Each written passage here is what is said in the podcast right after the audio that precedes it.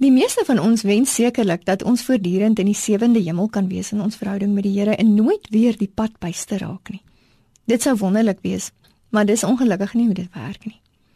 Deel van God se proses met elkeen van ons is dat die dinge van die lewe en die keuses waarin ons onsself intrek, ons juis so 'n bietjie laat steier en van ons gemak en ons sigbare selfvoldaanheid beroof.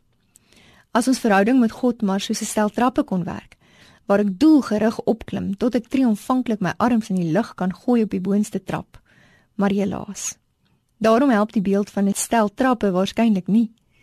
Die beeld van 'n spiraal help ons baie meer. Maar die beeld van dans selfs nog meer. Die meeste van ons ervaring is dat ons verhouding met God maar deur 3 tree vorentoe en 2 tree terug gekenmerk word.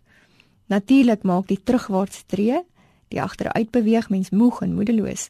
Maar dit konfronteer jou veral met jou broosheid en swakheid. Die terugtreë gee aan jou perspektief en laat vra aan jou moeilike vrae soos wat is hier aan die gebeur? Waarmee is God besig in my lewe en waarmee is ek besig? Al hierdie is onontbeerlike vrae op ons geloofsreis.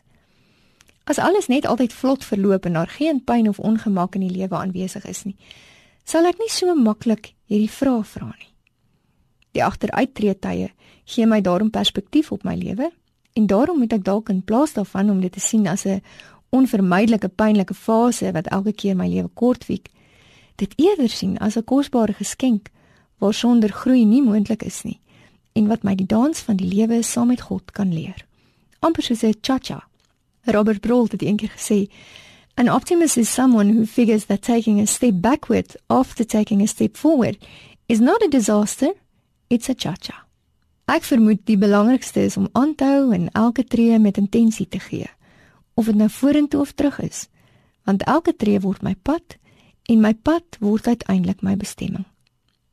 Iemand het eendag hieroor gesê, sometimes the smallest step in the right direction ends up being the biggest step of your life. Tiptoe if you must, but take the step.